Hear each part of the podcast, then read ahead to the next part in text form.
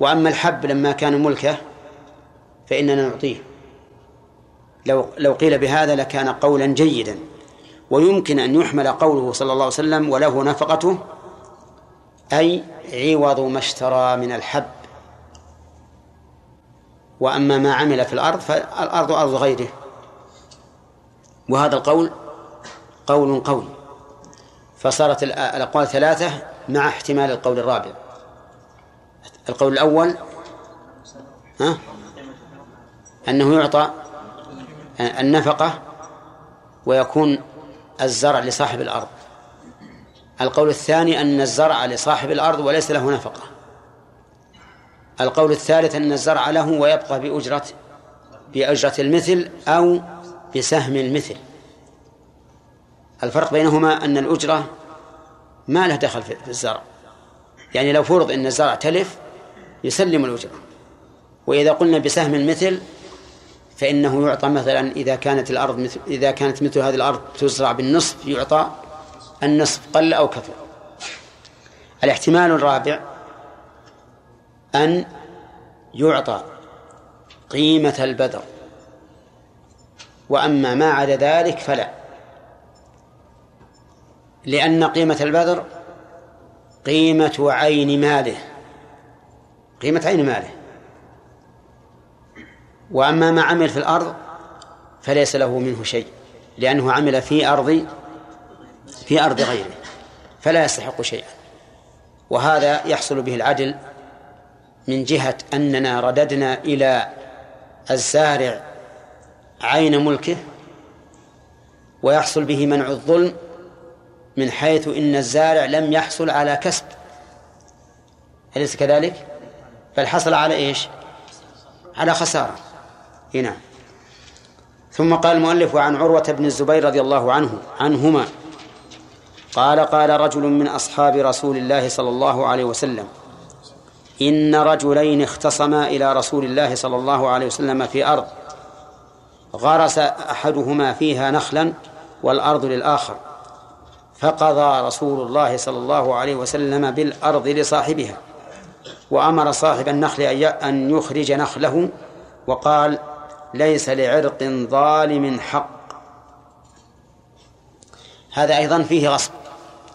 يقول قال رجل من أصحاب النبي صلى الله عليه وسلم. وهذا فيه إشكال. من جهة أن هذا الراوي مبهم مجهول. ومعلوم أن جهالة الراوي توجب الطعن في الحديث. فإن أسباب الطعن كما في نخبة الفكر كم؟ عشرة. منها جهالة الراوي. فيكون هذا الحديث ضعيفا لجهالة راويه. والجواب عن ذلك أن نقول إن جهالة الصحابي لا تضر. لأن الصحابة كلهم عدول. وأصل التعليل بجهالة الراوي من أجل أننا لا نعلم إيش؟ عدالته. فإذا كان الصحابة رضي الله عنهم كلهم عدول فإننا فإنه لا يضر أن تجهل عين الراوي من الصحابة. فإن قال قائل قولكم إن الصحابة كلهم عدول منقوض. منقوض بالقرآن. لأن الله قال والذين يرمون أزواجهم ولم يكن لهم شهداء إلا أنفسهم فشهادة أحدهم أربع شهادات بالله إلى آخره. وقد وقعت هذه القصة مع مع من؟ مع الصحابة. فإن هلال ابن أمية قذف زوجته بشريك بن سحماء. وكلاهما صحابيان. وقال الله تعالى يا أيها الذين آمنوا إن جاءكم فاسق بنبأ فتبينوا. وهذا إثبات للفسق في من جاء بالنبأ. فكيف تقولون إن الأصل في الصحابة العدالة وأن جهالتهم لا تضر؟ فالجواب عن ذلك أن نقول هذه القضايا المعينة المحصورة بعدد ضيق لا تمنع من الحكم بالجملة على العدالة في جميعهم لأن الأصل هو العدالة. ثم إن هذا الذي يقع منهم إذا وقع في شخص معين لا يقتضي أن يكون قدحا في الجميع. ثم إنه إذا وقع من هذا الشخص المعين فإنك فإن له من الصحبة وتقدم الإسلام والغزوات مع الرسول عليه الصلاة والسلام وغير ذلك من المقامات الفاضلة ما ينتفي به القدح فيهم رضي الله عنهم. ولهذا كان جهالة الصحابي لا تضر. وإن كان قد يقع من بعضهم ما يقع فهو قليل النزر لا من حيث عمل الفاعل ولا من حيث عدد الصحابة. قليل نزر مغمور في جانب ما لهم من المصالح العظيمة الكثير من الفضائل العظيمة الكثيرة. طيب في هذا الحديث أيضا يقول أن رجلين اختصموا ورجلين مبهم. وهذا يوجب القدح في الحديث أو لا؟ هذا لا يوجب إطلاقا. لأن صاحب لأن معرفة صاحب القضية لا ليس شرطا في في الصحة. هذا لا يضر بالإجماع. طيب يقول اختصم إلى رسول الله صلى الله عليه وسلم في أرض إلى هنا للغاية والانتهاء. أي أن خصومتهما بلغت رسول الله صلى الله عليه وسلم. والاختصام افتعال من خصمه إذا غلبه في الحجة. فمعنى اختصم أي كل واحد منهم طلب أن يكون هو الغالب في الحجة. طيب الأرض كيفية؟ محل الخصومة أرض لواحد والنخل لواحد. يعني أن أحدهما غرس في أرض الآخر.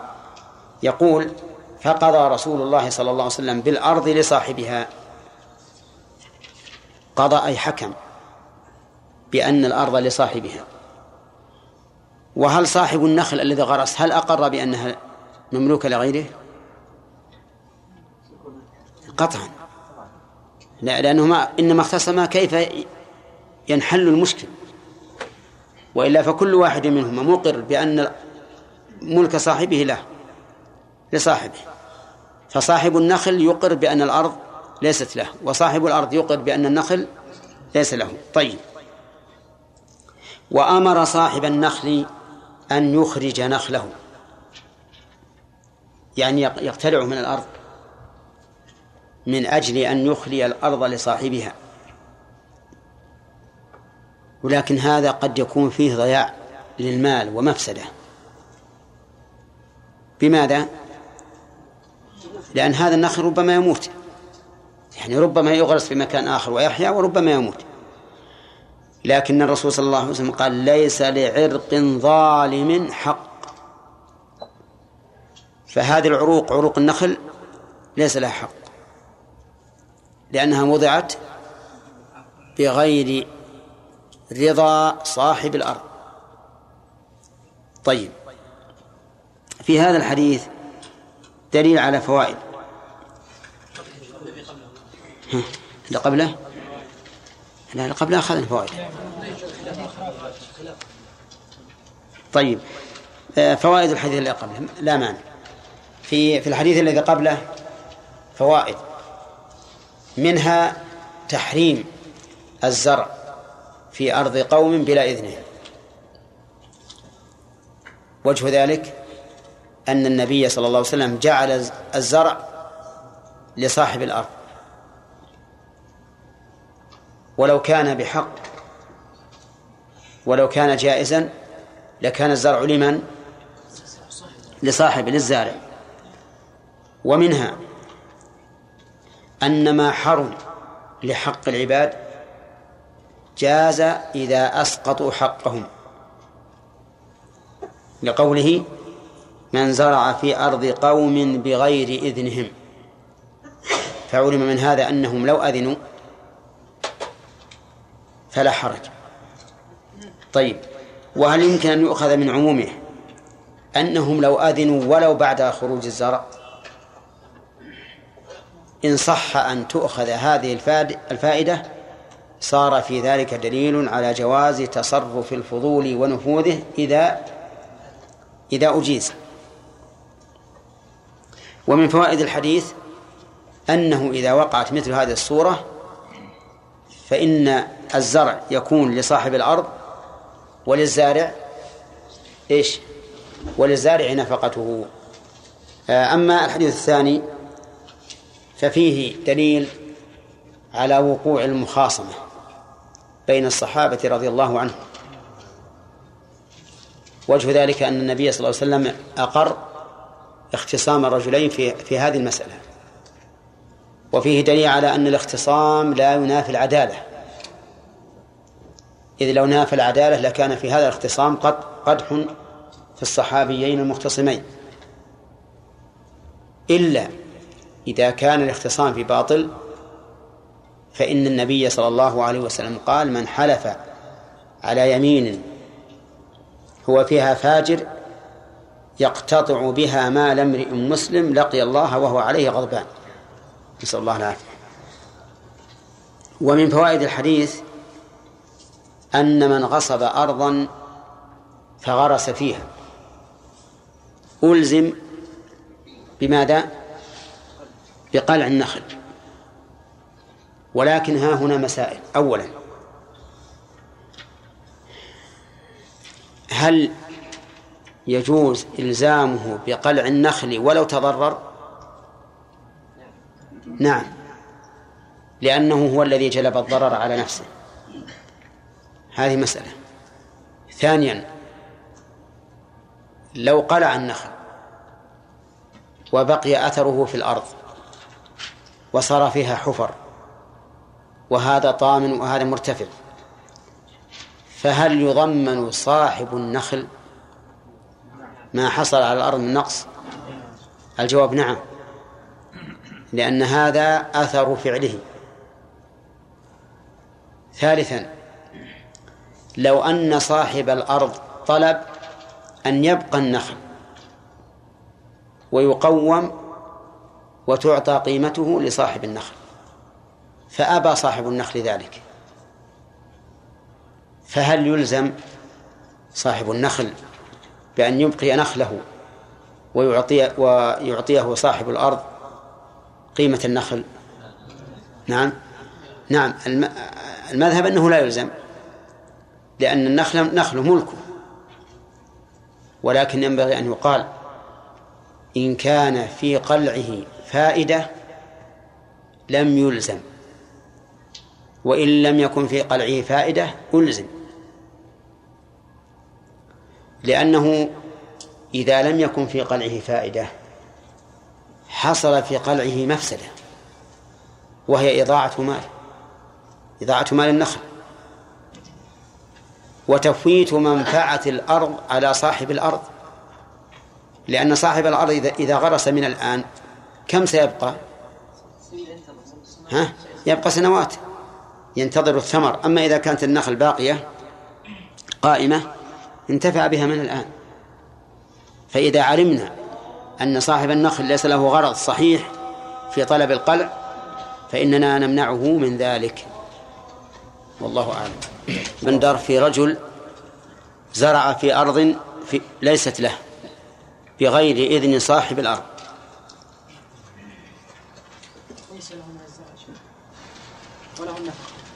الزرع لمن؟ الزرع لصاحب الأرض. نعم. النفقة طيب. فإن قدر أن نفقته أكثر من قيمته. نفقته نعم. أكثر من قيمة؟ نعم. نعم على على صاحب يعني مثلا الذي أنفق عليه عشرة آلاف ريال وقيمته خمسة آلاف ريال. نعم له النفقة فقط لا الزائد. إيه لكن الآن بيخسر صاحب الأرض. الآن إذا قلنا على عليك يا صاحب الأرض النفقة والزرع لك. يقول الزرع ما يساوي إلا خمسة آلاف ريال و- ونفقته عشرة آلاف. نعم له عليه النفقة ولو كان أكثر. ولو كان أكثر. أي نعم. نعم. المسألة خلافية فيها أربعة أقوال. كنا يحتاج له قيمة قيمة البدر هذا قول قوي. أو أو له أجرة المثل هذا قول إحنا أقوال وقال ليس له شيء هذا ضعيف وقال له النفقة وهذا بعد. المهم إذا قلنا إن له النفقة إن إن له النفقة والزرع لصاحب الأرض وصارت النفقة أكثر أكثر من قيمة ال- الزرع قلنا هذا ضعيف لأنه يؤدي إلى أن الناس يغصبون أملاك غيرهم فيزرعون في- فيها لا هي المسألة الآن هذه ماذا نقول؟ هو الآن أمامنا الرجل الغاصب وصاحب الأرض والزرع. يخير يا شيخ كان النفقة أكثر من الزرع. له أن يعطي الزرع لصاحبها طيب. نعم. نقول في هذه الحال وأظن أشرنا إليها.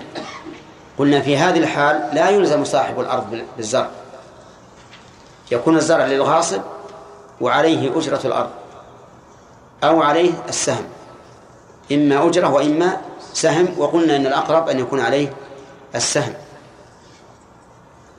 وما فهمتم؟ ها؟ لا إله إلا الله. نعم؟ أو سهم لكن هم بإذن الله إذا نسوا قالوا ما ذكرناها. ثم شهد بعضهم لبعض. ها؟ طيب. الآن نقولها إذا إذا لم نذكرها فيما سبق نذكرها الآن. الحديث يدل على أن الزرع لصاحب الأرض وعليه النفقة. كذا؟ نعم. طيب. نقول إذا كانت النفقة أكثر من قيمة الزرع بأن كان هذا الغاصب أنفق على هذا الزرع على حرثه وسقيه وبذره عشرة آلاف ريال وقيمته في السوق خمسة آلاف ريال. هل نلزم صاحب الأرض أن يأخذ الزرع بنفقته أو لا؟ الجواب لا ولا يمكن نلزمه لأنه لم يأذن بهذا الزرع. حتى نقول هذا أمر الله وجاءت الخسارة من عند الله عز وجل. نقول لا يلزمه لا نلزم صاحب الأرض بأخذ الزرع. ويكون الزرع لمن؟ للغاصب. الزرع للغاصب. يبقى النظر تعطيل الأرض مدة الزرع. يطالب صاحب الأرض بأجرة أو بسهم. بأجرة المثل أو بسهم المثل. أجرة المثل يعني مثل يقال لو استؤجرت الأرض للزرع قال تأجر مثل بألف ريال. سهم المثل يقولون لو زرعت استحق صاحب الأرض الخمس. عاد ربما يختار صاحب الأرض ما هو أكثر. لكن نحن نريد أن نحكم حكما شرعي. هل هل الأقرب أن تكون بالسهم أو أن تكون بالأجرة طيب نقول يرجع في هذا إلى عادة الناس في هذا المكان. إذا كان من عادة الناس أنهم يؤجرون أراضيهم للمزارعين أخذنا بإيش؟ بأجرة المثل. إذا كان من عادتهم أنهم يعطون أراضيهم بسهم من الزرع أخذنا بسهم المثل. واضح يا جماعة؟ طيب هذه مسألة إن كنت قد قلتها من قبل. فهذا يعتبر تأك... يعتبر هذا القول تأكيدا لا تأسيسا وإن لم أكن قلتها فهو تأسيس. وحسابكم على الله. طيب. آه رجل الأخ غصب أرضا وغرس فيها نخلا. ما تقول فيها حديث لكن الأرض تكون لصاحبها وأما النخل لا تقلع ويأكلها الزرع يلزم صاحب النخل بقلع النخل والأرض تبقى لصاحبها. هنا الأرض ربما بقلع النخل تتغير حفر ودفن وعروق نبتت في الأرض توزعت لأن عروق النخل تنتشر. فماذا نقول بالنسبة لصاحب الأرض؟ فهد الغاصب يضمن ما حصل. نعم. نضمن الغاصب ما حصل من نقص في الأرض. هذه واحد. إذا نلزمه القلع. والثاني ضمان النقص. طيب. بقيت هذه ال... هذا النخل بقي ثلاث سنين أربع سنين في الأرض. فماذا نصنع نحو هذه المدة؟ الأخ. نعم. هل يلزم بالأجرة؟ قل نعم. نعم يلزم بالأجرة أو بالسهم. نقول إن يلزم بالأجرة إلا إذا كان النخل قد أثمر فيلزم بالسهم. إذا كان عادة الناس المساهمة. إذن يلزمه قلع الغرس. ضمان نقص الأرض تسوية الأرض والأجرة. الأجرة مدة حبسه إياها. تمام؟ ما الفرق بين الزرع وبين النخل يا أحمد؟ لماذا قلنا النخل نعمل في هكذا والزرع يكون لصاحبه وعليه الأجرة أو السهم لأن الزرع يعني لأن النخل ليس كزرع في أنه له عروق يعني ويستمر موجود في الأرض أما الزرع في وقت محدد ينتهي. تمام. الفرق بينهما أن النخل باقي يبقى بعروقه وأما الزرع فلا يبقى. طيب. قوله صلى الله عليه وسلم ليس لعرق ظالم حق. ليس لعرق ظالم حق. عبد الرحمن وش معنى الحديث؟ إذا كان غرس وش معنى الحديث؟ لا تقول إذا غرس هذا مثال. الظالم لعرق الظالم حق. يعني ليس له وش عرق ظالم؟ يعني الغرس الذي يغرس في أرض مظلومة مم. ليس له حق الغارس ليس لصاحب حق. نعم. يعني إذا ليس لذي عرق ظالم حق. نعم. إيش تقولون يا جماعة؟ أي نعم. ليس لأن العرق نفسه عرق مع جمال ليس لا, لا, لا يعرف حقا ولا باطلا. طيب. يدل بمفهوم يا محمد السلامة على أن العرق غير غير الظالم له حق. نعم. له حق. صح؟ اي نعم أظن ما كملنا الشرح. كملناه؟ ها؟ أخذنا الفوائد. أخذنا أنه إذا كان العرق غير ظالم فله حق. ها؟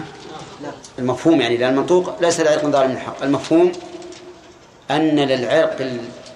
الذي ليس بظالم حق. فائدة. مكتوبة عندك؟ طيب. إذا يستفاد منه بمفهومه أن العرق غير الظالم له حق. مثاله استأجرت منك أرضا لأغرس فيها شجرا لمدة عشر سنوات. استأجرت أرضا أغرس فيها شجرا لمدة عشر سنوات. انتهت المدة والشجر باقي. فهل يطالبني صاحب الأرض أن أقلع الشجر ويتلف علي؟ أم ماذا؟ نقول الحديث يدل على أن العرق إذا كان بحق فلصاحبه حق.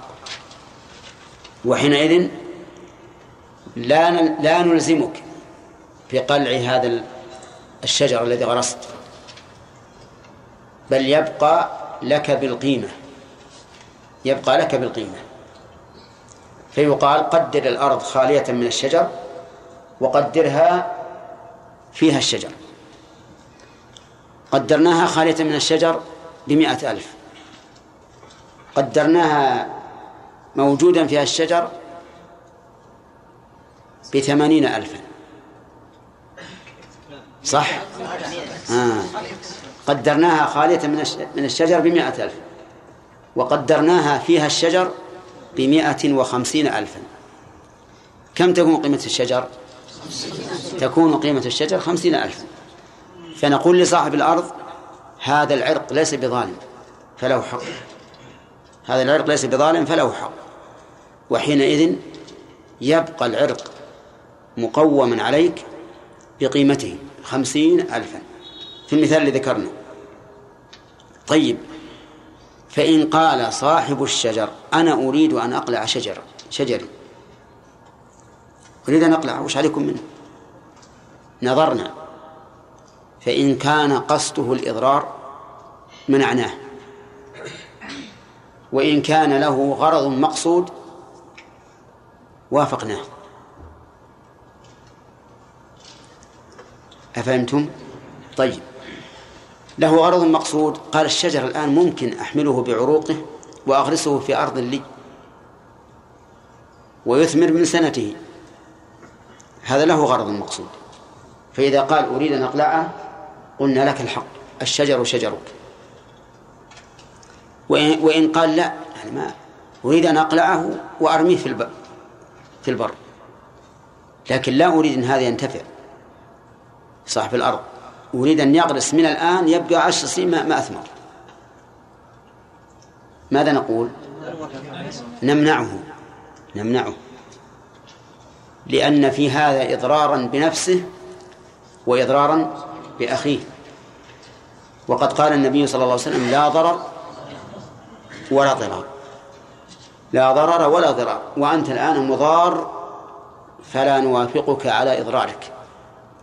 لأنه يجب علينا أن نأخذ على يد السفيه. وهذا سفه بلا شك. الآن تتلف هذا الشجر على صاحبك وأنت أيضا تخسر كم؟ في المثال اللي ذكرنا تخسر خمسين ألف. بأي كتاب أم بأية سنة؟ طيب. ثم قال المؤلف عن أبي بكرة رضي الله عنه أن النبي صلى الله عليه وسلم قال ها؟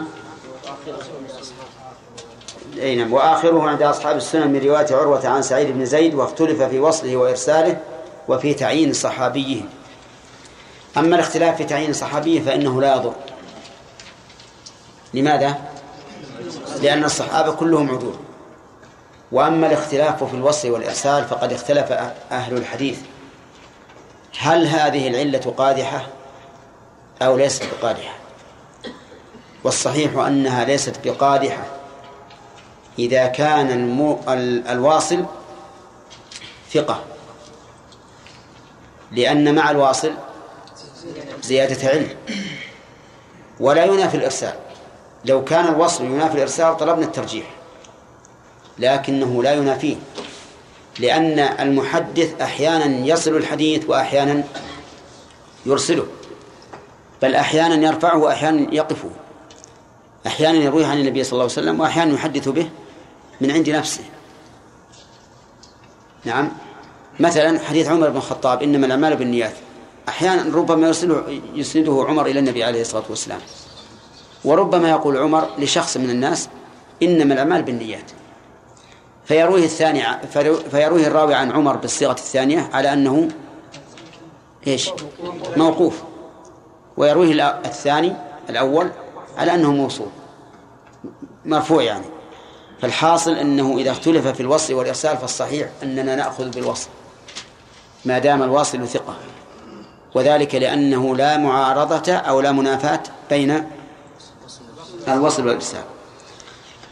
وعن أبي بكرة رضي الله عنه أن النبي صلى الله عليه وسلم قال في خطبته يوم النحر بمنى إن دماءكم وأموالكم وأعراضكم إن دماءكم وأموالكم عليكم حرام كحرمة يومكم هذا في شهركم هذا في بلدكم هذا متفق عليه.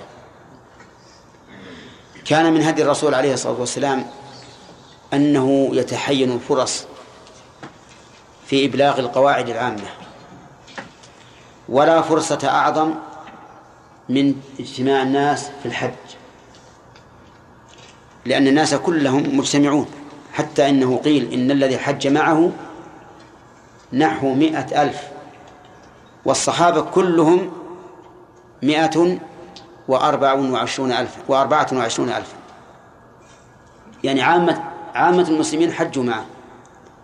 فكان صلى الله عليه وسلم في هذا الحج يخطب الناس يعلمهم مناسك الحج لأن الحاجة تدعو إلى ذلك ويعلمهم القواعد الثابتة الراسخة. منها هذا الحديث. وقد سألهم النبي عليه الصلاة والسلام أي يوم هذا؟ أي شهر هذا؟ أي بلد هذا؟ أول سألهم ليستعدوا لما سيلقي عليهم لأن المقام مقام عظيم.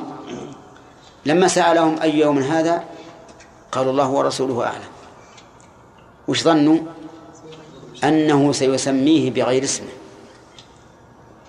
إذا استبعدوا أن أن يسأل الرسول صلى الله عليه وسلم عن عن هذا اليوم وهو معروف أنه يوم النحر.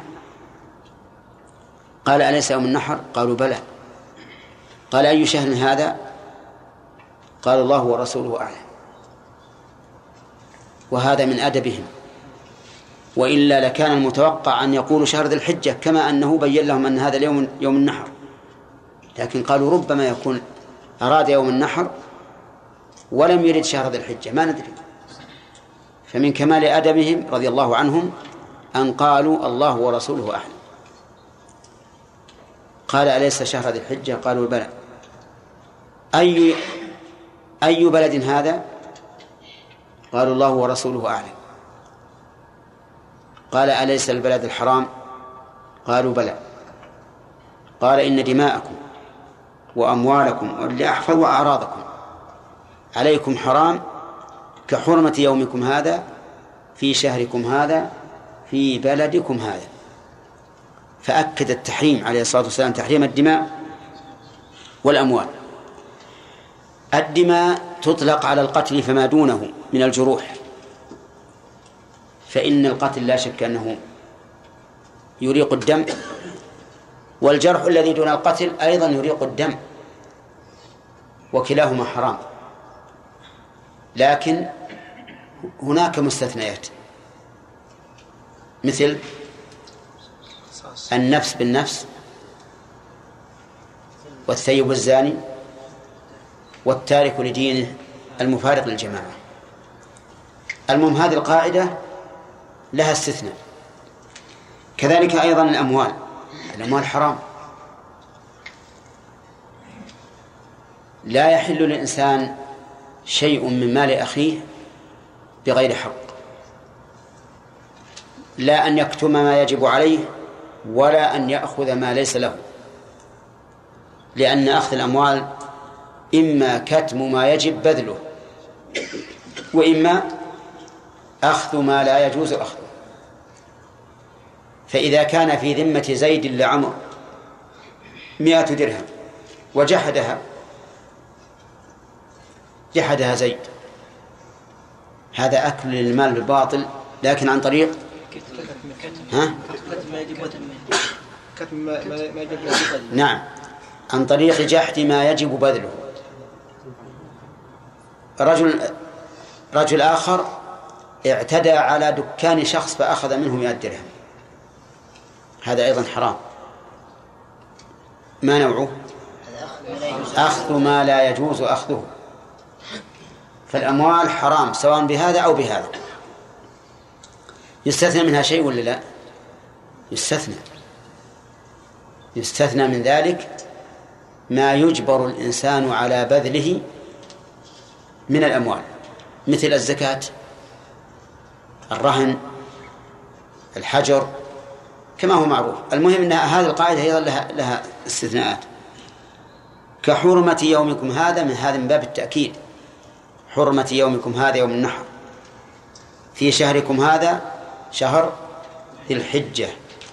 في بلدكم هذا مكة. يوم النحر أفضل أيام أفضل أيام شهر ذي الحجة.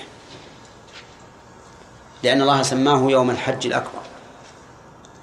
وقيل يوم عرفة أفضل منه. وال وال والأصح أن كل واحد منهما له مزية ليست ليست الآخر. أفضل الأشهر الحرم الثلاثة المتوالية شهر ذي الحجة. لأن شهر ذي الحجة اكتنفه شهران محرمان. هما ذو القعدة ومحرم. مكة معلوم. أعظم حرمة في الأمكنة مكة. هي أعظم البقاع حرمة. ويليها المدينة. ويليها القدس. طيب. ثم قال المؤلف باب الشفعة. نعم الفوائد لا بأس. من فوائد هذا الحديث أولا حرص النبي صلى الله عليه وسلم على تبليغ الشريعة. وأنه ينتهز الفرصة ليبلغها في الأماكن العامة. وهكذا ينبغي لطالب العلم أن يتبع النبي صلى الله عليه وسلم في تبليغ الشريعة في الأماكن العامة لكن بشرط أن يكون الناس مستعدين لقبول كلامه وخطبته لا أن يأتيهم في مكان غير لائق. ثانيا من فوائد هذا الحديث استحباب خطبة الإمام في الحج يوم النحر. يعني ينبغي للإمام الذي هو الإمام الأعظم أو نائبه في الحجيج أن يخطب الناس. لأن أهل العلم يقولون إنه ينبغي أن يكون للحج إمام. إما الإمام الأعظم إن تيسر وإما نائبه. يقود الناس لأن الناس عالم يحتاجون إلى إمام يقتدون به. ولهذا لما تخلف الرسول لما تخلف الرسول صلى الله عليه وسلم في السنة التاسعة عن الحج أمر على الناس أبا بكر رضي الله عنه. فلا بد للحجاج من أمير. من جملة وظائف الأمير في الحج أن يخطب الناس يوم النحر ويوم عرفة أيضا. لكن هذا الخطبة الثانية يوم النحر. يعلمهم القواعد العامة في الشريعة والأحكام الخاصة في الحج. طيب من فوائد هذا الحديث أيضا تحريم تأكيد تحريم الدماء والأموال. لأن الرسول صلى الله عليه وسلم أكد ذلك بتأكيد حرمة الزمان والمكان. الشهر واليوم والبقعة. ومن فوائد هذا الحديث أنه ينبغي أن يلقي الخطيب أو المتكلم على السامع ما يجعله ينتبه ويستعد لقبول ما يلقى إليه. وهذا بناء على ما أشرت إليه في الحديث أنه سألهم أي يوم هذا أي شهر هذا أي بلد هذا.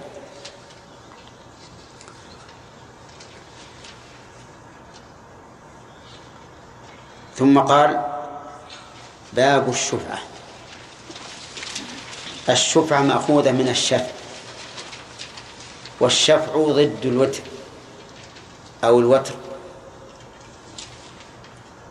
وسميت شفعة لأن الشفيع يشفع المشتري في استحقاق المبيع. وذلك لأن الشفعة هي انتزاع الشريك حصة شريكه ممن اشتراها منه. هذه الشفعة. انتزاع الشريك حصة شريكه ممن اشتراها منه. عرفتم التعريف؟ ما هو؟ آه. ممن اشتراها منه. طيب. مثال ذلك واحد رقم واحد. له شريك رقم اثنين. فباع رقم واحد على رقم ثلاثة. على الشريك ولا على غيره؟ على غيره. طيب. الشريك الآن رقم واحد خرج. رقم واحد خرج. لأنه باعه على رقم ثلاثة. بقينا الآن رقم اثنين ورقم ثلاثة. للشريك رقم اثنين أن ينتزع حصة شريكه من رقم ثلاثة. غصبا عليه بدون رضاه حتى لو قال أنا اشتريت وسلمت الثمن وكتبت باسمي يقول ولو كان أنا لي الحق أن أنتزعها منك. غصبا. عرفتم؟ إذن تعريف الشفعة اصطلاحا انتزاع الشريك حصة شريكه ممن ممن اشتراها منه. طيب. وال... نرجع إلى الأحاديث. حكمها ثابتة. حكم الشفعة ثابت بدليل السنة. واختلف العلماء هل هي على وفق القياس أو على خلاف القياس. حطوا بالك العلماء اختلفوا هل الشفعة على القياس أو لا. فبعضهم قال إنها ليست على القياس لأن المشتري يؤخذ حقه بغير بغير رضاه. إذن هي على خلاف القياس. فإن القياس أن لا يؤخذ المال إلا برضا. يا أيها الذين آمنوا لا تأكلوا أموالكم بينكم الباطل إلا أن تكون تجارة عن تراض منكم. ولكنه لا يصح القول أبدا أن في الشريعة ما هو على خلاف القياس. أبدا. كل ما في الشريعة فهو على وفق القياس. لأن معنى خلاف القياس أن العقل لا يؤيده. هذا معناه. أو أنه مناقض للقاعدة المضطردة في الإسلام. هذا معنى قولهم على خلاف القياس. لكن ليس في القاع ليس في الشريعة الإسلامية ما يخالف العقل. وليس في الشريعة الإسلامية ما يخالف القواعد العامة في الشريعة.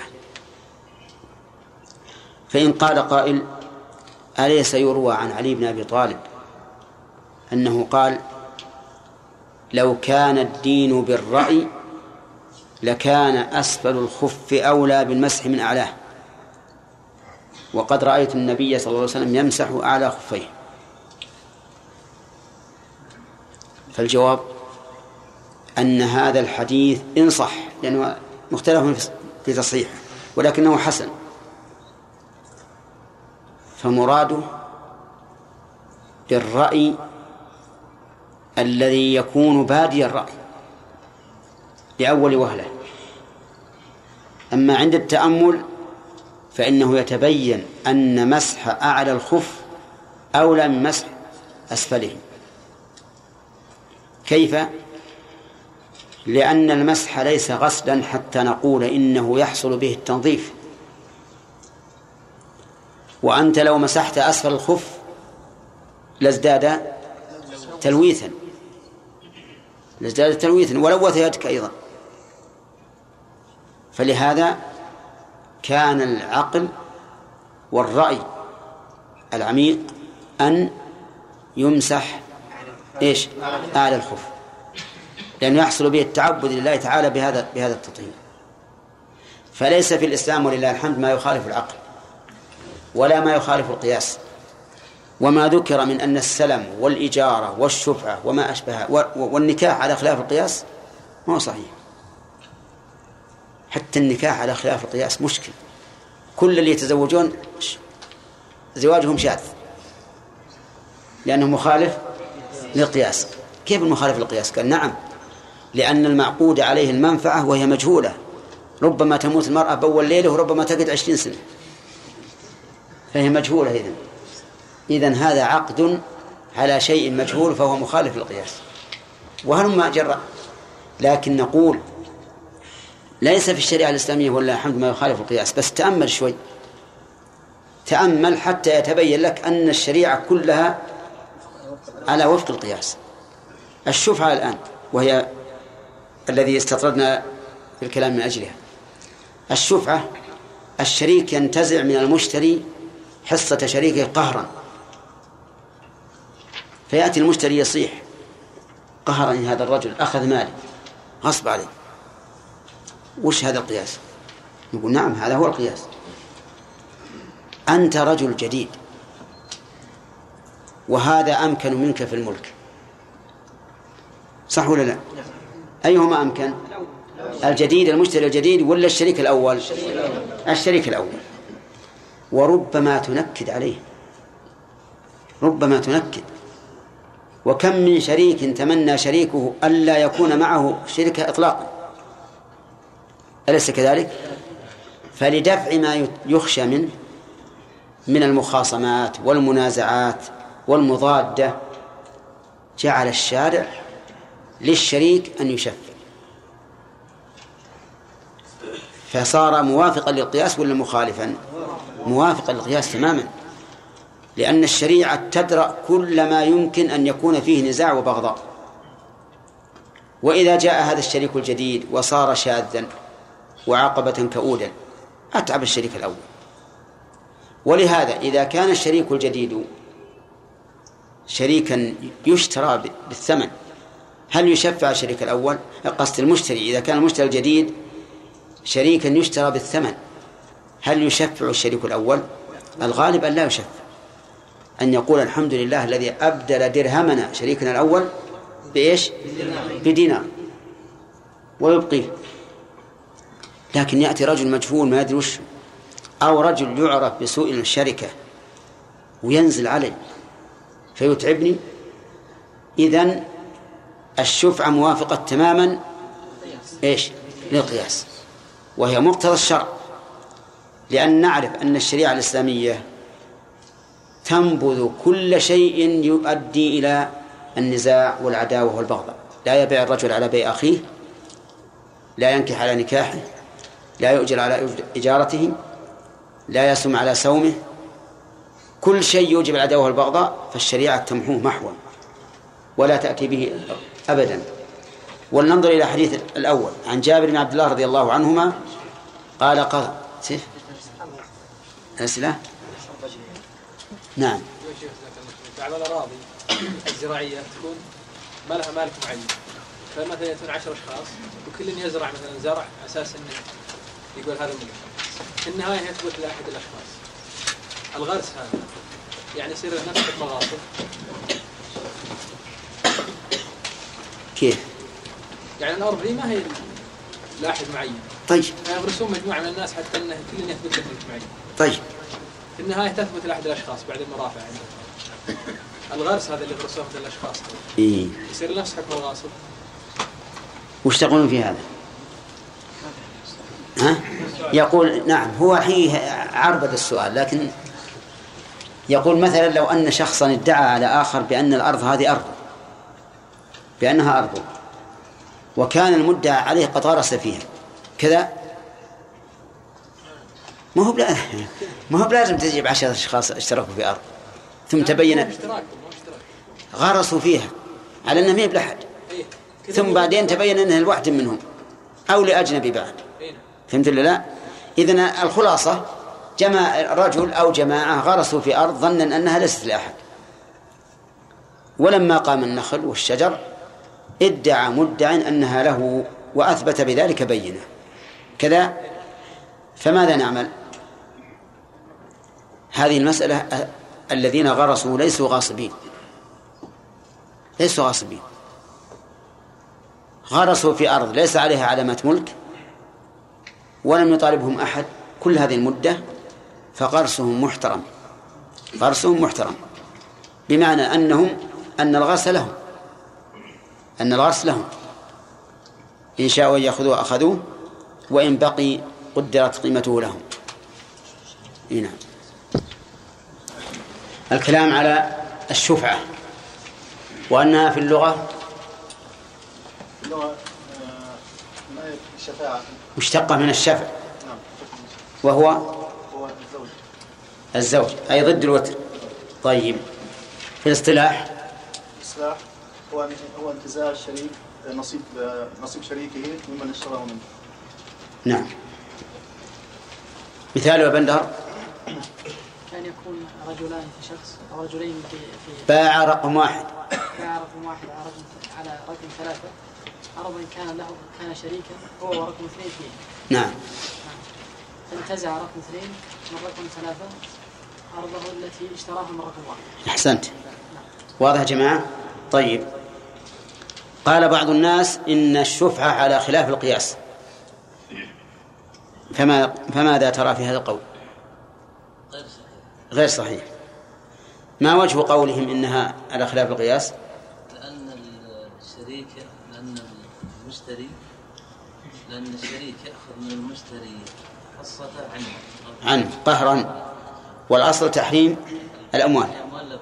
طيب. الذين قالوا إنها على وفق القياس كيف يجيبون عن هذا؟ يلا أحمد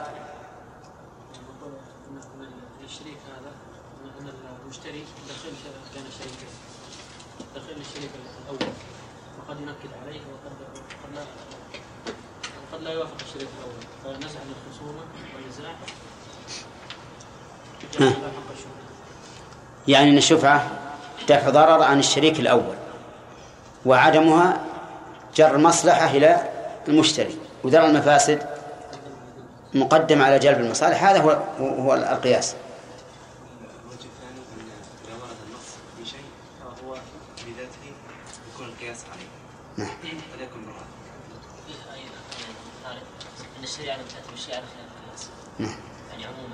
نعم. الشريعه كل ما جاء فيها على وجه تمام. يعني هذه القاعدة مهدومة من أصلها. ما في شيء في الشريعة على خلاف القياس أبدا. طيب. ثم قال المؤلف عن جابر بن عبد الله رضي الله عنهما قال قضى رسول الله صلى الله عليه وسلم بالشفعة في كل ما لم يقسم. قضى بمعنى حكم. والقضاء إما أن يكون كونيا وإما أن يكون شرعيا. فإن كان ما مما يتعلق بالشرع فهو شرعي وإن كان مما يتعلق بالكون فهو كوني ففي قوله تعالى وقضينا إلى بني إسرائيل في الكتاب لتفسدن في الأرض. هذا قضاء كوني ولا يمكن أن يكون قضاء شرعيا لأن الله لا يقضي بالفساد ولا يحب الفساد والمفسدين.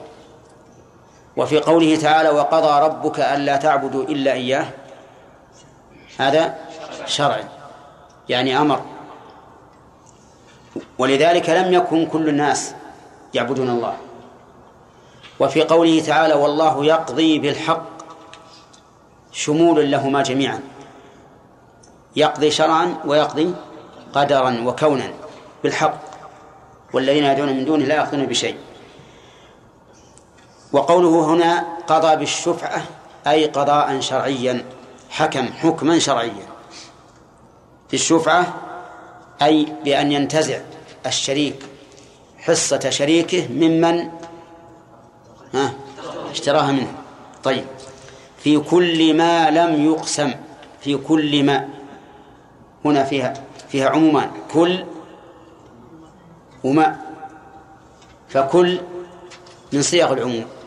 وما اسم موصول أيضا من صيغ العموم. كل ما لم يقسم قضى به قضى بالشفعة فيه. فلو باع رجل نصيبه من سيارة مشتركة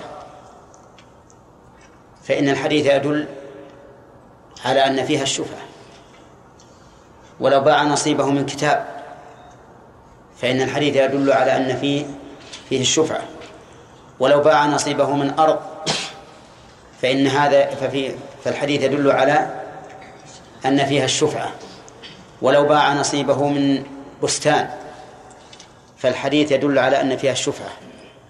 ولو باع نصيبه من بيت فالحديث يدل على أن فيه الشفعة. من أين يؤخذ؟ من عموم قوله في كل ما لم يقسم فيشمل العقار والمنقول والجماد والحيوان وكل شيء. هذا عموم لفظي المعنى أيضا يقتضيه لأن الضرر الحاصل بالشريك الجديد لا يختلف فيه العقار وغيره بل قد يكون العقار أهون من غيره. لكن قال فإذا وقعت الحدود وصرفت الطرق فلا شفعة. وهذا الوصف لا ينطبق إلا على ما كان عقارا. إلا على ما كان عقارا. لأن غير العقار ليس فيه حدود ولا تصريف طرق. فمن ثم ذهب أكثر الفقهاء إلى أنه لا شفعة إلا في العقار. لأن قوله فإذا فإذا وقعت الحدود ألف للتفريع. والتفريع يدل على أن المفرع عليه هو نفس الفرع أو هو الموافق يوافق الفرع في الحكم. فعلى هذا يكون على هذا الرأي يكون العموم في قوله في كل ما لم يقسم عموما أريد به الخصوص. أي في كل ما لم يقسم من الأرض والعقار وشبهها مما له حدود وطرق. وبناء على ذلك لا شفعة في منقول ما هو المنقول؟ الذي ينقل يتنقل كالسيارات والحبوب والثمار والثياب والأواني وغيرها. لأن هذه كلها ليس لها حدود ولا طرق.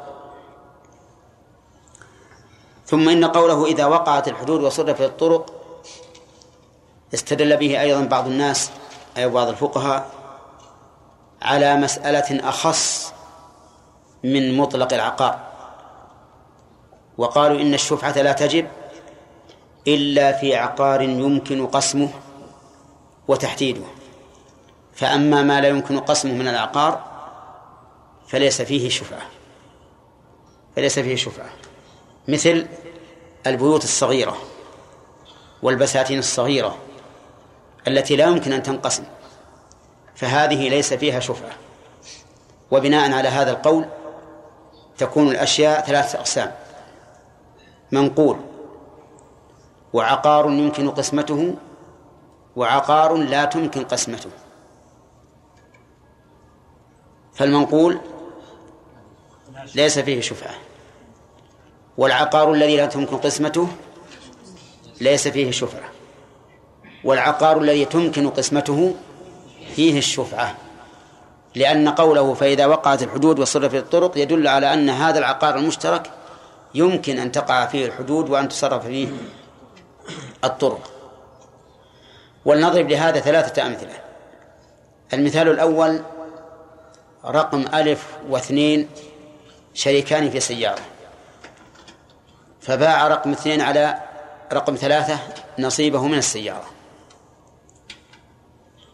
فهل لرقم واحد أن يأخذه بالشفعة من رقم ثلاثة؟ من رقم اثنين؟ من رقم ثلاثة. ها؟ لا. ليش؟ لأن هذا منقول. طيب. ألف واثنين أو واحد واثنين شريكان في بيت صغير. لا يمكن أن ينقسم. فباع رقم اثنين على رقم ثلاثة. نصيبه. استريح. فهل لرقم واحد أن يشفع؟ على رقم ثلاثة؟ لا. لماذا؟ لأنه لا تمكن قسمته. لا تمكن قسمته. والحديث يقول إذا وقعت الحدود وصرفت الطرق فلا شفعة. ومن المعلوم أن ضرر الشريك في عقار لا يمكن قسمته أعظم من ضرر الشريك الجديد في عقار تمكن قسمته. صحيح؟ لماذا؟ لأن العقار الذي تمكن قسمته إذا رأى الشريك الأول ضررا من الشريك الجديد طالبه بالقسمة وقاسمه وتخلص منه. لكن المشكل إذا كان العقار لا ينقسم فهذا لا يمكن أن يطلب القسمة لأنه لو طلب القسمة قال لا يمكن أن ينقسم. كيف أقسم وحينئذ يبقى ضرره متحققا لا يمكن دفعه.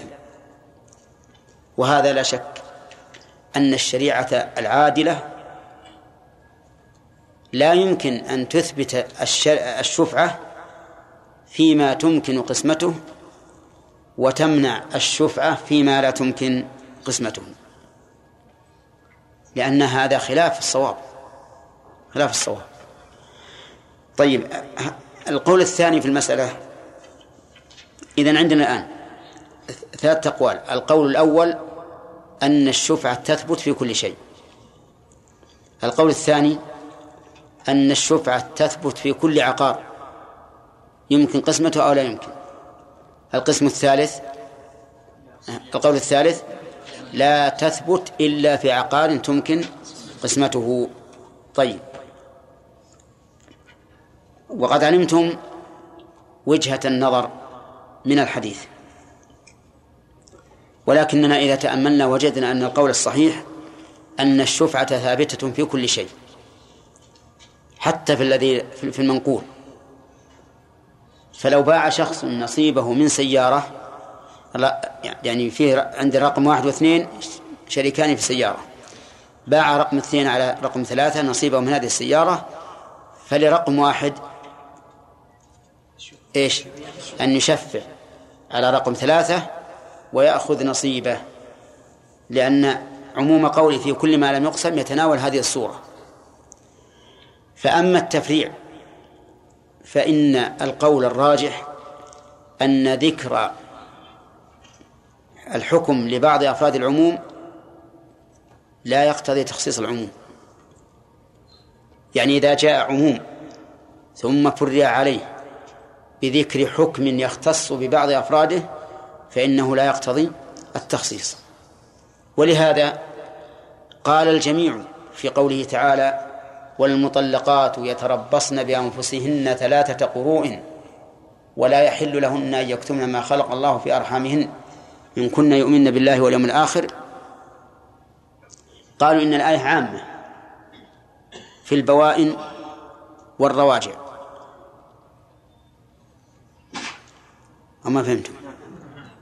يعني يشمل المطلقة ثلاثا والمطلقة واحدة. لأن المطلقات من ألفاظ العموم. ولم يقولوا إنه خاص بالرجعيات لأنه ف... لأنه فرع عليه قوله قوله وبعولتهن أحق بردهن. فإن قوله بعولتهن وبعولتهن خاص بمن؟ بالرجعيات. ومع هذا قالوا إنه لا يراد إن العموم في قوله المطلقات باق على عمومه شامل لمن بعلها حق بردها ولمن لا حق لبعلها في ردها. إذن القول الصحيح أنه شامل شامل لكل شريك باع حصته في مشترك فإن لشريكه أن يشفع. طيب. وفهم من قوله فإذا وقعت الحدود وصرفت الطرق أنه لا شفعة للجار. أنه لا شفعة للجار. لأنه إذا وقعت الحدود صار الشريك جارا وليس شريكا. واضح؟ ها؟ غير واضح. بعض الناس يقول غير واضح. إيه، ألف واثنين شريكان في أرض. اقتسماها. ووضع الحدود. صار الشريكان الآن جارين لأن وقعت الحدود. فهذا يدل هذا الحديث يدل على أن على أن الجار ليس له شفعة. لأنه وقعت الحدود. لكن الحديث عندنا الحديث هذا فيه أمرين أو فيه أمران. فيه أمران. وقوع الحدود وتصريف الطرق. فيفهم من هذا أنه لو وقعت الحدود ولم تصرف الطرق فالشفعة باقية. مثل أن تكون الأرض ليس لها إلا شارع واحد. ليس لها إلا شارع واحد. فقسمت. فصار الشارع مشتركا بين الجارين. فظاهر الحديث أن الشفعة باقية لأنه اشترط أمرين. الأول ها وقوع الحدود وبه يثبت الجوار وتنتفي الشركة. يعني يكون جارا لا شريكا. اشترط شيئا آخر وهو تصريف الطرق. فإن بقي الطريق واحدا فالشفعة باقية. والحكمة من ذلك أنه إذا بقي الشيء الطريق واحدا فإن الأذى يحصل من الشريك الجديد. وش فيه؟ في المشاركة بالطريق كل يوم أجي ولا موقف بالطريق سيارة اسم مرسيدس. وأحيانا يوقف شيول. وأحيانا يوقف أكبر من هذا. وأنا وياه في نزاع. هذا تعب. تعب. هو يقول أنا أنا شريكك في هذا في هذا الطريق. أنا شريك في هذا الطريق. أقول له لا. ولا أقول نعم أنت شريك؟ نعم أنت شريك. يقول إذا أنا بفعل ما, ما أريد. بوقف سيارتي بوقف شيء ولا بوقف تركتري بوقف اللي نبي. إذا فيه تعب. فحينئذ نقول لهذا الجار لك الشفعة ولا لا؟ لك الشفعة لك الشفعة لأن الحديث يدل على أنه لا بد من شيئين. وقوع الحدود وتصريف الطرق. فإذا وقعت الحدود ولم تصرف الطرق فالحكم باقي والشفعة باقية. وعليه فنقول هذا الحديث يدل على أنه ليس للجار شفعة إلا إذا كان بينه وبين جاره طريق إيش؟ مشترك. طريق مشترك. ثم قال وفي رواية لمسلم وفي رواية مسلم الشفعة في كل شرك. الشفعة في كل شرك يعني بالله؟ لا ما في كل شرك يعني في كل شركة. أي في كل مشترك. الشفعة في كل مشترك. في أرض أو ربع أو حائط. أرض واضحة. ربع دار. حائط بستان. فهذه ثلاث أشياء. أرض بيضاء مشتركة. إذا باع أحد الشريكين فلشريكه الشفعة. رابع يعني دارا دار مشتركة بين اثنين باع أحدهما نصيبه فلشريكه الشفعة. حائط بستان. باع أحد الشريكين نصيبه منه فلشريكه الشفعة. طيب يقول ولا يصلح وفي لفظ لا يحل أن يبيع حتى يعرض على شريكه. لا لا يحل أو لا يصلح. لأن نفي الصلاح نفي للحل وزيادة. ولهذا قال الرسول عليه الصلاة إن هذه هذه الصلاة لا يصلح فيها شيء من كلام الناس. يعني لا يحل. فلا يصلح مثل كقول لا يحل. أن يبيع حتى يعرض على شريكه. الضمير في قوله أن يبيع على من؟ لا يحل أن يبيع البائع. الشريك. يعود على الشريك. لأنه قال في كل شرك. إذا لا يحل للشريك أن يبيع حتى يعرض على شريكه. فإذا حرج مثلا أو ساوم على الأرض وأراد أن يبيع فإنه لا يحل له أن يبيع حتى يعرض على شريكه. وينظر هل له نظر في هذا الشخص أو ليس له نظر. ووجه ذلك يعني وجه التحريم أن فيه قياما بحق الجار. لأن الشريك جار وزيادة. فإذا كان الجار له حق فالشريك من باب أولى. شريك مخالط. الجار مقارب وهذا مخالط. أيهما أعظم حقا؟ الشريك المخالط. فإذا كان جارك له عليك حق فكذلك شريكك. من باب أولى. ثانيا أنه إذا عرض عليه وكان له رغبة كان أهون من أن ينتزعها من المشتري. ولا لا؟ مو أهون؟ أهون.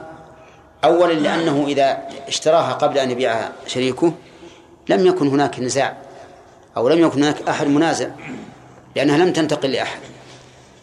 ثانيا أنه ربما إذا اشتراها أحد يتصرف فيها تصرفا يمنع الشفعة لأن المشتري لو وقف الأرض الذي اشتراها امتنعت الشفعة لأن الوقف لا يمكن بيعه. فيفوته هذا النصيب. ثالثا رابعا أنه إذا إذا عرض عليه واختاره سلم من منازعة المشتري. سلم من منازعة المشتري لأن المشتري ربما ينازع يكون عنده قوة فيحصل عداوة بين المشتري وبين الشريك. ومن أجل هذه المصالح حرم النبي صلى الله عليه وسلم على الشريك أن يبيع حتى يعرض على شريكه. حتى يعرض على شريكه. لكن إن باع فهل يحرم فهل يصح البيع أو لا أو لا يصح؟ أو لا يصح. البيع صحيح مع الإثم وذلك لأن النهي هنا لا يعود إلى شيء إلى معنى في العقد. وإنما يعود إلى حق الغير فلم يمنع صحة البيع. فالبيع صحيح لكنه قد فعل إثما. والبيع هنا لا يسقط حق حق الشريك من الشفعة إلا لو إلا أن يتصرف المشتري تصرفا يمنع الشفعة حين يضيع حقه. طيب في هذا الحديث في هذا الحديث فوائد. لا نقرأ الرواية الثانية. وفي رواية الطحاوي قضى النبي صلى الله عليه وسلم في كل بالشفعة في كل شيء. كل شيء. ورجاله ثقات. حديث مسلم رواية مسلم الشفعة في كل شرك. ثم أبدل من هذا العموم بعضا من كل. إيش قال؟ في أرض. أو ربع أو حائط وهذا يسمى بدل بعض من كل بإعادة العامل. وين العامل؟ في في لأنه لو كان بدل بدون إعادة العامل لقال في كل شرك أرض أو ربع أو حائط لكنه بدل بإعادة العامل. فهل البدل يخصص المبدل منه؟ نعم ينبني على ما سبق. وقد نقول إنه لا يخصص وأن المراد بهذا البدل التمثيل. يعني مثل الأرض مثل الربع مثل الحائط. ويكون تكون رواية مسلم موافقة لرواية الطحاوي. الطحاوي ماذا قال؟ قال في كل شيء كل شيء عام. ورجاله ثقات إذا قال إذا قال أهل الحديث رجاله فالمراد رواته حتى لو فرض أن السند كله نساء لا يمكن أن يقول نساءه ثقات. بل يقولون رجاله لأن مراد الرواة. في هذا الحديث فوائد. أولا ثبوت الشفعة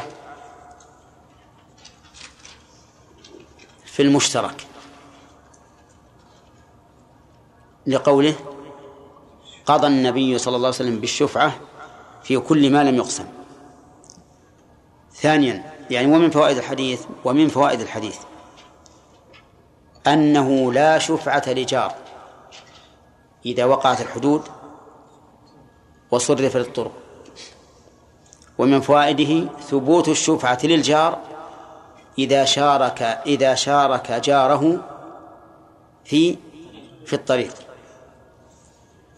ويقاس عليه كل منفعة يشتركان فيها كما لو كانا شريكين في البئر أي أن الجارين بينهما ارتوازي مطق شريكان فيه. فباع أحد الجارين فلجاره أن يشفع لأن بينهما شيء لأن بينهما شيء ها؟ مشترك. وهو البئر. واضح؟ فهو كالطريق. بل قد يكون أشد من الطريق. إذا قل ماء البئر وكان أحد الجارين أرضه كبيرة والثاني أرضه صغيرة. فقال صاحب الأرض الكبيرة نريد أن نحفر زيادة. المقل فقال صاحب الصغيرة لا يكفي يكفينا. لأن صاحب الصغيرة لا يحتاج إلى ماء كثير. حينئذ يتنازعان. فتحصل العداوة والبغضاء بينهما. فإذا كان الجاران مشتركين في شيء من حقوق الملك ومصالح الملك فللجار أن يشفع. من فوائد الحديث ثبوت الشفاعة آه الشفعة في كل شيء مشترك. في كل شيء مشترك. كذا؟ من أين تؤخذ؟ في كل ما لم يقسم. في كل شرك. في كل شيء. كلها عمومات. نعم. وتفريع وتفريع حكم بعض أفراد العموم لا لا يقتضي التخصيص. طيب. ومن فوائد الحديث تحريم بيع الشريك نصيبه حتى يعرضه على شريكه. من أين تؤخذ الأخ؟ حتى حتى يعرض على شريكه. طيب. سبحان الذي عطف الإصبع من هنا إلى هنا. طيب. إذن يؤخذ من قول لا, لا يحل أن يبيعه حتى يعرض على شريكه حتى يعرض على شريكه ومن فوائده أنه لو عرض على شريكه ثم قال الشريك ليس لي رغبة فيه ثم باع فهل تثبت الشفعة بعد البيع أو لا؟ ها؟ فكروا يا جماعة. هو عرض على شريكه قبل أن يبيع فقال الشريك لا لا رغبة لي فيه. بيع. فباع. فهل له أن يأخذ بالشفعة بعد البيع؟ وقد قال ليس لي فيه غرض. ها؟ في هذا خلاف. أكثر العلماء قالوا له الحق. أكثر العلماء قالوا له الحق. قالوا لأن إسقاطه للشفعة قبل وجود السبب. ما سبب ثبوت الشفعة؟ البيع والبيع ما حصل. فإذا أسقط الشفعة قبل وجود البيع فقد أسقط الشيء قبل وجود سببه فلا يثبت. لا يثبت. قالوا ونظير ذلك لو أن الرجل قال لورثته. لو أن الرجل قال لورثته أنا أريد أن أوصي بنصف مالي. تسمحون؟ قالوا نعم نسمح. فأوصى بنصف ماله ثم مات. فهل لهم أن يعارضوا فيما زاد على الثلث؟ ها؟ ولا لا؟ كيف تقولون نعم؟ بإجماعكم الآن إجماع إقراري ولفظي. وفي مسألة الشفعة تقولون؟ لا. ها؟ نعم. إيش الاختلاف؟ إذا قلتم إن إن الورثة لما أسقطوا حقهم مما زاد على الثلث قبل الموت لم يصح إسقاطهم لأنهم أسقطوه قبل وجود السبب لأنهم لا يستحقون شيئا من هذا المال إلا بعد بعد الموت. فقد أسقطوا شيئا قبل وجود السبب. لا فرق في الحقيقة. ولهذا فالقول الراجح في مسألة الميراث أو في مسألة الورثة أنه إذا كان في مرض موته في مرض موته المخوف فإسقاطهم صحيح لازم. هذا القول الصحيح. لأن لأن السبب سبب تعلق الورثة بالتركة وجد وهو مرض موته المخوف بخلاف ما إذا كان صحيحا. والمسألة فيها ثلاث أقوال الصحة مطلقة وعدمها مطلقا والتفصيل. هذه المسألة أكثر أهل العلم يقولون إنه إذا أسقط الشريك الشفعة وقال ليس لي فيه غرض فإنه ليس له شفعة. فإنه تثبت له الشفعة تثبت له الشفعة بعد البيع وعللوا ذلك بأن إسقاطها قبل البيع إسقاط للشيء قبل وجود سببه فلا يثبت. والقول الثاني ما ذهبتم إليه. ما ذهبتم إليه. وهو أن نص أن استحقاقه للشفعة يسقط. قالوا لأن هذا هذا هو الفائدة من عرضه على الشريك.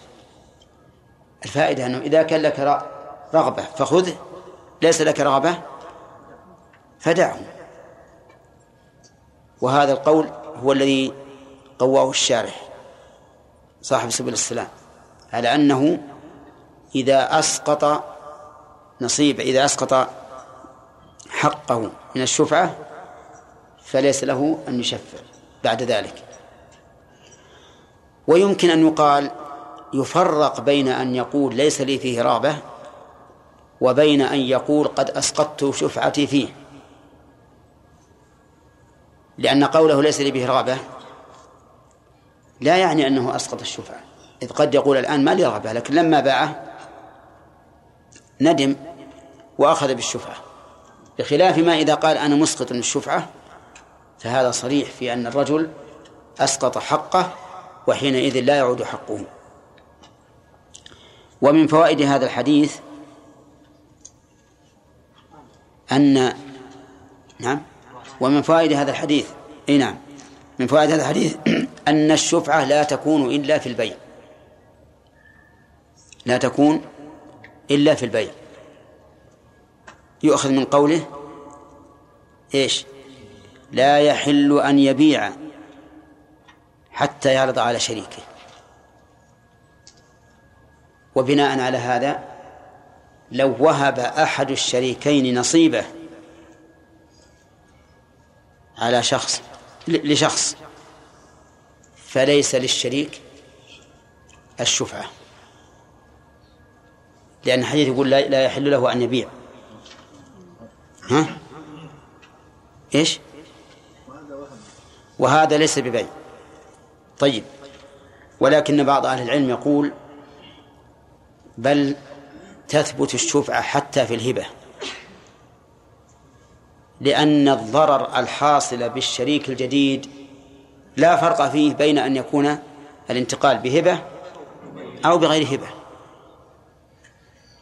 ولكن يقدر الشخص بقيمة ويرجع الموهوب له بهذه القيمة على من؟ على الشريك فيقال مثلا هذا النصيب المبيع يساوي مئة ألف. وهو قد أتاك مجانا بدون شيء. فعلى الشريك أن يدفع أن يدفع لك مئة ألف. مئة ألف. وهذا القول أصح. أنه يثبت أن الشفعة تثبت بكل انتقال اختياري. بكل انتقال اختياري.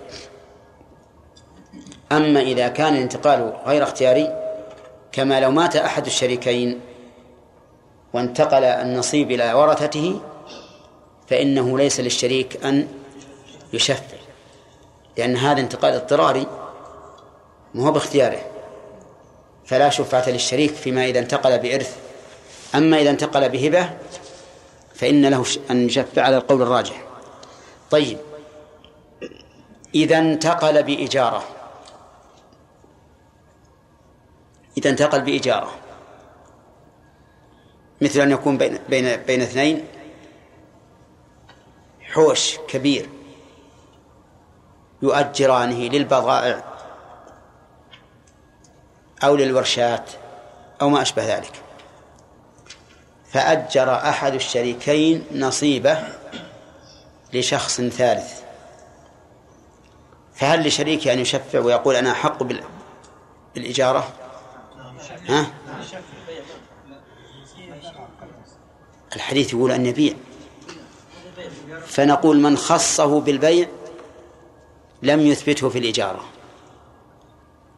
لأن الإجارة انتقال المنفعة لمدة معلومة. والبيع يخالف الإجارة من وجهين. أولا أن البيع انتقال العين بمنافعها. والثاني أن البيع مؤبد. مؤبد. والإجارة مؤقتة. فحتى لو حصل فيها ضرر فالضرر مؤقت. سنة سنتين ثم يزول. ولكن الذي يظهر أن أن الإجارة تثبت فيها الشفعة لأن الضرر حاصل. وإن كانت نسبة الضرر بالنسبة للإجارة أقل بكثير من نسبة البيع. لكن يقال إن النزاع سيحصل حتى في الإجارة حتى في الإجارة. ويكون تقييد المسألة بالبيع في الحديث بناء على الأغلب بناء على الأغلب. لأن كون أحد الشريكين يؤجر نصيبه مع بقاء الملك هذا قليل. والحديث بناء على الأغلب وما كان بناء على الأغلب فإنه لا مفهوم له. ويمكن أن يقال بوجه آخر بأن هذا على سبيل إيش؟ التمثيل. على سبيل التمثيل. والعلة في البيع والإجارة واحدة. ومن فوائد الحديث حكمة التشريع الإسلامي وأنه يحارب كل ما فيه النزاع. لأن لأن الإسلام يريد من أبنائه أن تكون قلوبهم صافية بعيدة عن الحقد والغل والكراهة والبغضاء. لأن القلوب إذا تنافرت حصل الضرر العظيم. ويقول الشاعر إن القلوب إذا تنافر ودها مثل الزجاجة كسرها لا يجبر. إذا انكسر قدح من الطين يمكن جبره لكن من الزجاج ما يمكن. وإن كان في الوقت الحاضر أظنه يمكن لكن في الزمن الأول ما يمكن. فعلى كل حال هذا الدين الإسلامي ولله الحمد يحارب كل شيء يوجب العداوة والبغضاء. إلا في الدين فالدين أوثق عرى الإيمان الحب في الله والبغض في الله. طيب.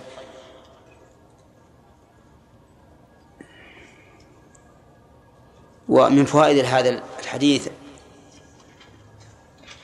أن لكل شريك على شريكه حقا. لقوله لا يحل له أن يبيع حتى يعرض على شريكه. والشفعة هل هي حق للمالك يعني هل يعتبر فيها المالك أو هو حق للشركة؟ يعني هل هي من حقوق الملك أو من حقوق المالك؟ يرى أنها بعض العلماء أنها من حقوق الملك ويرى آخرون أنها من حقوق المالك. فمن قال إنها من حقوق المالك قال لا شفعة لكافر على مسلم. لا شفعة لكافر على مسلم. فإذا كان هذا المشترك بين ذمي ومسلم فباع المسلم نصيبه على مسلم فليس للذمي أن يشفع. لأنه لا شفعة لكافر على مسلم. ومن جعل ذلك من حقوق الملك قال لا فرق بين أن يكون المستحق للشفعة كافرا أو مسلما وأنه إذا باع شريك الذمي نصيبه على مسلم فللذمي أن يشفع طيب إذا باع المسلم نصيبه على ذمي وشريكه ذمي ها؟ آه له إن شفع لأنه ليس له ميزة طيب باع على ذمي وشريكه مسلم. ها؟ باع نصيبه على ذمي وشريكه مسلم. شريك البائع. له أن يشفع من باب أولى. أي نعم. اختلف الشريك والمشتري فقال الش- الشريك شفعت قبل أن توقف. وقال المشتري بل وقفت قبل أن تشفع فما يقول قوله؟